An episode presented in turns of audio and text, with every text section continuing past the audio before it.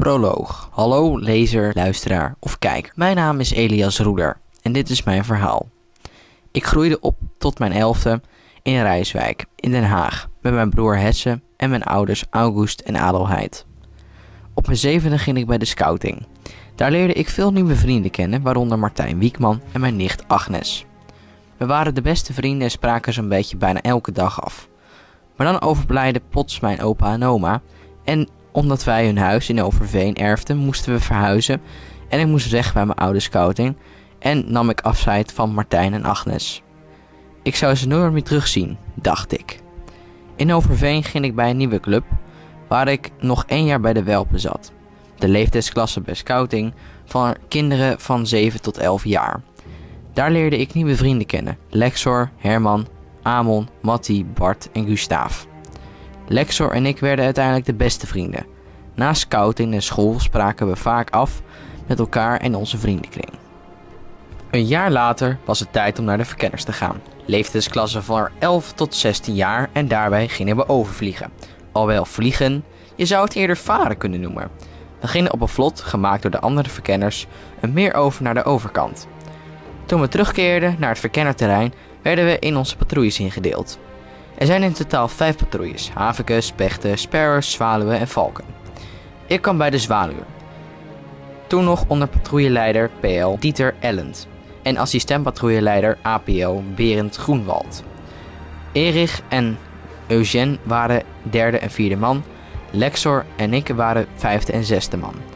Oftewel de laatste mannetjes.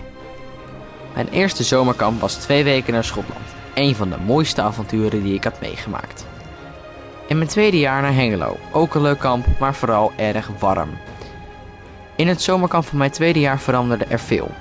Zo zat ik nu bij de spechten en was geen laatste mannetje meer, maar vierde man. En Lexor was derde man. Erich en Eugène waren PL en APL, Lennon en Lian waren vijfde en zesde man. Berend was weg en Dieter zat bij de staf. Dit jaar gingen we op kamp naar Hoenderloo. Voordat het kamp begon kregen we een oude avond over de bijzondere locatie van het jaar. De vloek van de Arion-familie. De Romeinen hadden op zogeheten strijdbanieren een soort vaandel, een gouden adelaar zitten.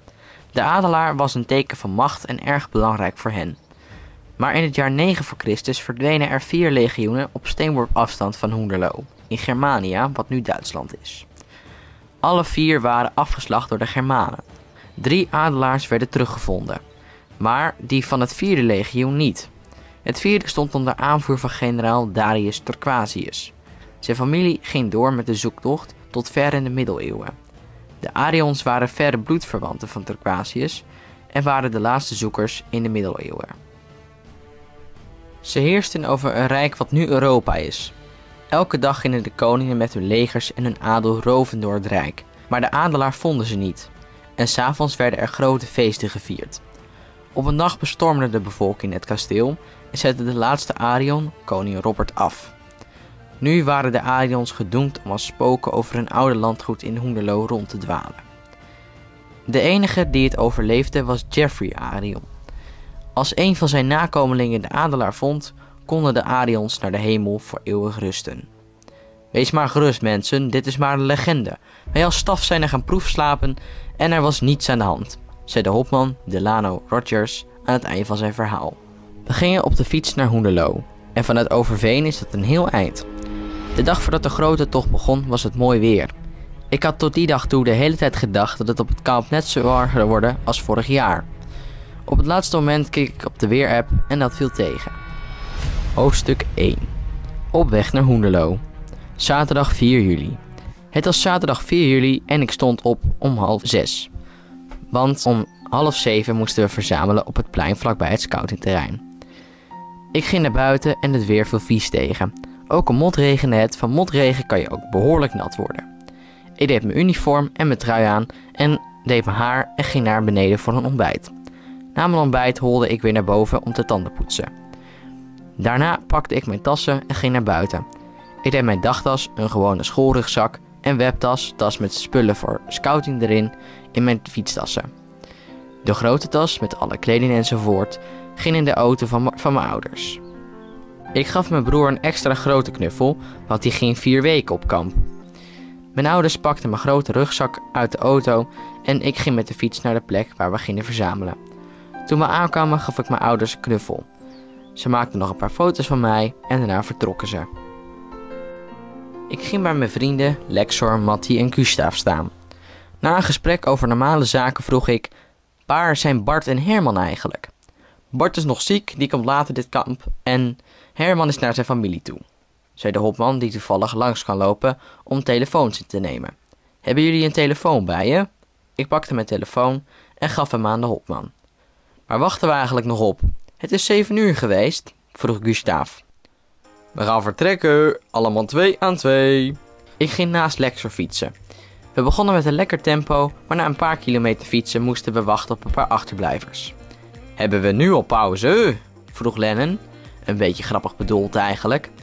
Toen de achterblijvers er helemaal waren, met de hopman die ze kwam halen, gingen we verder door de regen. Uiteindelijk werd mijn broek zeik en zeiknat, maar gelukkig had ik een speciale broek die snel opdroogt. Mijn bril kwam helemaal onder de druppels te zitten. Gelukkig had ik een regenjas aan, dus mijn uniform en trui werden niet nat. We fietsten door Aardehout, Heemstede en in Hoofddorp hielden we onze groot, eerste grote pauze. Ik had wat brood en dronk wat water. Zo ging de tocht verder door de regen en tijdens pauzes dronk ik wat water, at wat brood of wat snoep. De weg om uit Amsterdam te komen duurde naar mijn beleving het langste. Ik was blij toen we in Utrecht waren, want dat betekende dat we op de helft zaten. We reden steeds dieper de bossen in en uiteindelijk kwam ik naast de hopman achteraan in de stoet. Hey Elias, jou heb ik al de hele weg niet gesproken. Nou, dan moet het nu maar. We reden over een zandpad, een heuvel over en toen waren we er. Midden in het bos op een open veld. Twee eigenlijk. Toen ik mijn fiets geparkeerd had, ging ik bij Jack en Roemer tegen een boom zitten. Er kwam een oude man het terrein opgelopen en hij sprak de hopman aan. Wat doen jullie hier? Deze plek is helemaal niet bedoeld voor een scoutingkamp. Dit, deze plek is vervloekt. We weten allemaal af van de vloek. Maar we hebben toestemming van de eigenaren en zelfs de gemeente gekregen. Dus het is veilig. En bovendien geloof ik niet in die sprookjes. Goed, dan moet hij het zelf maar weten. Maar wacht maar tot hij slaapt. Dan praat hij wel anders. En ze zullen extreem toeslaan. Ik voel het er, naamkomeling van Jeffrey Arion hier rondloopt. En de oude man liep het terrein af. Wie was dat? vroeg Lennon. Oh, een kluizenaar die hier in de buurt woont. Hij is een beetje doorgedraaid, zei de hopman. Erich en Eugène hadden intussen een plek uitgezocht waar we ons terreintje konden opbouwen. Iedere patrouille had een eigen terreintje, met twee tenten, één om in te slapen en een ander om de spullen in te bewaren. Verder hebben we nog onze keuken. Omdat we allemaal nogal moe waren van de heenreis, hoefden we alleen de tent op te zetten en het groene zeil op te hangen en wat spullen klaar te leggen om morgen de keuken weer op te bouwen. Niet heel veel van ons was ook een andere groep aangekomen. Alleen ze gedroegen zich raar en terughoudend. We aten die avond knakworstjes gemaakt door de staf. Na het eten had Erich nog ereraad, maar wij mochten naar bed. De volgende ochtend werd ik uit mezelf wakker. Ik probeerde nog te slapen, maar toen hoorde ik de wekker en Eugène zei: Wakker worden! Ik pakte een schone onderbroek en verwisselde mijn fietsen. Ik pakte een schoon shirt, deed mijn vest en regenjas aan en ging naar buiten de kou in. Lennon had een radio meegenomen, waardoor ik snel uit mijn slaapdronkenheid kwam. Ik ging op de grond zitten, want we hadden nog geen tafel. En toen riepen we de jel die we voor elke maand het moeten roepen. Happerij dat. En het klinkt ongeveer zo. Oké, wat de fuck? Na het ontbijt begonnen we gelijk met het opbouwen van de keuken en het vuurplaatsje. Afgelopen nacht had ik in principe goed geslapen. Ik had geen last van geesten die naar de aardelaar zochten, maar ik had wel gedroomd van de vier legioenen die in de mist verdwenen en in een moeras achter de mist werden afgeslacht door de Germanen. Maar de droom ging verder. De Germanen hadden de alle gouden adelaars meegenomen. Drie werden er teruggehaald, maar de vierde was op een soort totempaal gezet. Die werd gebruikt om boos geesten weg te jagen. Hij werd meegenomen door een man in een paarse mantel. Zijn gezicht was onherkenbaar omdat er een kap over zijn hoofd was getrokken. Wie was deze man? En waar had hij de adelaar naartoe gebracht? En wat maakte die adelaar zo speciaal dat er zelfs in de middeleeuwen nog naar gezocht werd? Dat dacht ik bij mezelf ter- terwijl we aan het opbouwen waren. En toen ik dat dacht, zei Liam: Ik heb zo'n rare droom gehad over die vier legioenen die verdwenen in de mist. Werden afgeslacht in een moeras en vervolgens aan het eind zei een man in een paarse mantel: Vind de adelaar en bevrijd de Arion-familie. Die droom had ik ook, zei Erich, en de rest van de patrouille zei hetzelfde. Ik vertelde ook maar dat ik dezelfde droom had, maar ik zei niets over de hints die ik had gekregen. De hopman kwam tussen het bouwen door ook even langs. Jongens, vannacht zijn er twee mensen, Tuur en Giel, verdwenen. Hebben jullie enig idee wat er gebeurd zou kunnen zijn en waar ze kunnen zitten? Ik heb zo vermoeden dat die andere groep er iets mee te maken heeft. Ze gedragen zich nogal vreemd, zei ik. Dus de hopman ging maar wat navragen bij de andere groep, maar ze reageerden wat binnensmonds en liepen weg. Heel de dag waren we bezig met opbouwen en s'avonds kookten we met de patrouille op een vuur. En toen de ereraad getoeterd werd, gingen we naar bed. Die nacht droomde ik weer over de adelaar. Ditmaal over de Arion-familie. De zoon van koning Robert, Geoffrey, was nog maar 12 en mocht al trouwen met de prinses van Venetië, Magdalena. Op zo'n leeftijd was het toen al heel normaal om te trouwen. Koningin Patricia, de moeder van Geoffrey, was druk bezig de bruiloft te organiseren en niet blij dat haar man iedere dag weg was om de adelaar te zoeken. Wees je nou eens wat vaker bij voor je zoon, zei Patricia dan tegen haar man. Op een gegeven moment was Patricia het zat en besloot met Jeffrey en Magdalena naar de stad Rome op vakantie te gaan. Totdat Robert brieven begon te sturen waarin hij smeekte of ze weer terugkwamen en beloofde dat hij meer met zijn zoon zal doen. Hoofdstuk 2 De vierde adelaar Zondag 5 juli De volgende ochtend schrok ik wakker, midden in mijn droom, doordat Eugène ons wekte. Ik was benieuwd hoe het morgen acht verder zou gaan. Het voelde alsof ik keek naar een serie op Netflix. Slaapdronken ging ik aan tafel zitten en wachtte op de rest. We gingen happeren en begonnen met eten. Vandaag kregen we voor het eerst ochtendinspectie. We ruimden het afval van de grond, zorgden dat alles netjes lag en we deden onze uniformen aan. Het duurde nog even voordat de inspectie kwam, dus Erich en Eugène gingen met hun zwaarden klooien, die ze als themakleding hadden meegenomen. Ze deden dennenappels in hun zwaarden, gemaakt van PVC-buizen, en gooiden ermee naar de zwaluwen, die op dat moment inspectie hadden. En nu is het wel klaar, hoop ik, zei vader Ellend, toen hij een dennenappel tegen zich aankreeg. Erich en Eugène holden met een grijns op hun gezicht weer terug naar ons kampterrein. Ik zat lekker in mijn boek te lezen en kon nog wel lachen om wat ze deden. Jullie kruissjoringen mogen nog wel wat strakker, zei de hopman tijdens de ochtendinspectie. Hebben jullie toevallig last gehad van dromen over de adelaar? vroeg Vaandrich Ellend. Ja, we hebben iedere nacht last van dezelfde droom, zei Erich. Wel, het lijkt erop dat iedereen op het kamp dezelfde droom heeft. De staf en andere patrouilles klagen er ook over, zei de hopman en hij noteerde de punten. Trek jullie maar niet te veel aan van die dromen, zei Ellend. Er zijn vandaag weer twee mensen verdwenen, Gilles en Ruurt, zei de hopman. We moeten voortaan iemand laten wachtlopen s'nachts bij elke patrouille, zei Erich. Dat lijkt me een goed idee, zei de hopman. Je mag je patrouille weer in de rust zetten, zei de hopman. De spechten rust, de spechten ingerukt, zei Erich. En we salueerden en liepen weg. Ik hing mijn uniform op in de Explorer. Na de inspectie moesten we beginnen met de bouw van de trappersbaan. Dat is een baan waar je zo snel mogelijk door allerlei obstakels moet, die we zelf moeten maken. Ik en mijn patrouille moesten de veebrug maken. Een veebrug is gemaakt van drie touwen, die gespannen zitten tussen twee, tussen twee bomen. Twee om aan vast te houden en één om over te lopen. Om de zoveel meter zit een touw geknoopt in een V-vorm, vandaar de naam veebrug. Hoofdstuk 3 Reunie Dinsdag 7 juli Een wachtpost van de havenke was om drie uur s'nachts in slaap gevallen, waardoor er weer twee mensen verdwenen. Vandaag hadden we een hike.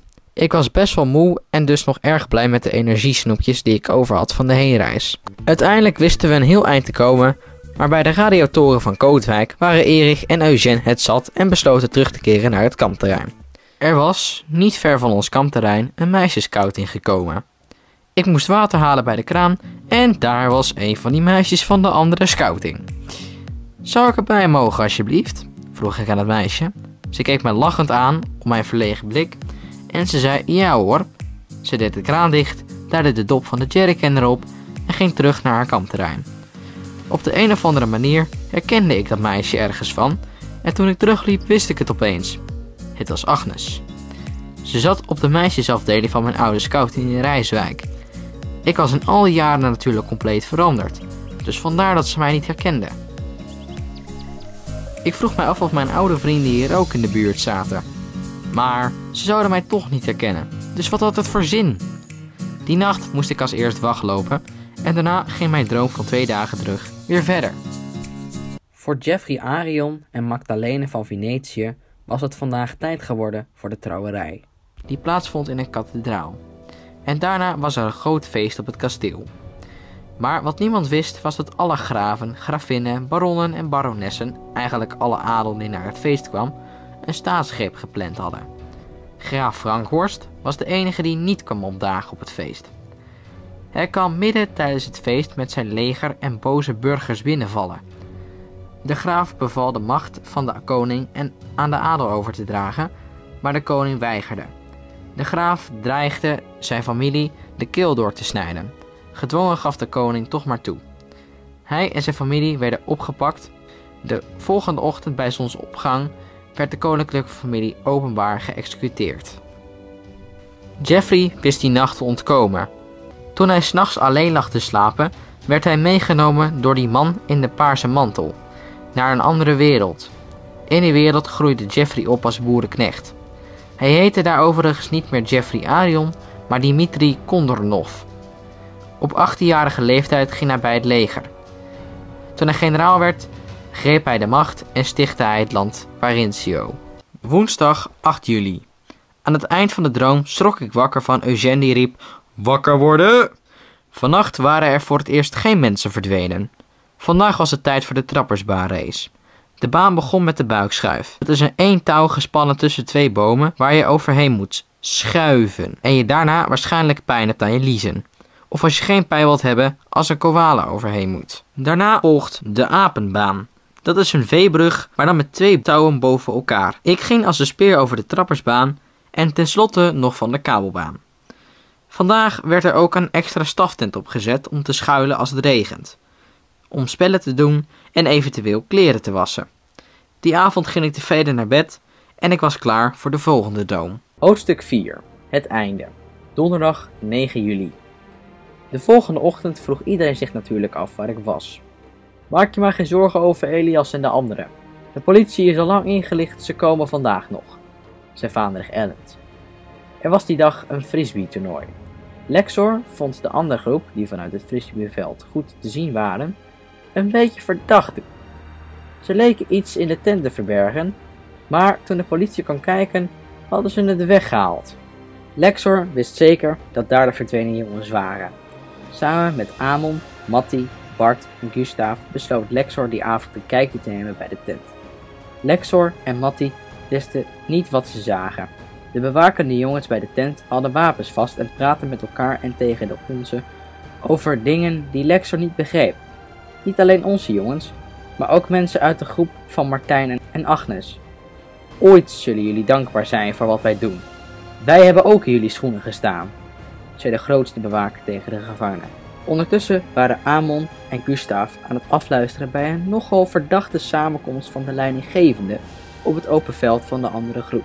Morgen brengen we de gevangenen naar het hoofdkwartier. De politie had ons bijna door. We gaan zelf ook weg morgenochtend. Opeens gingen er felle lampen aan.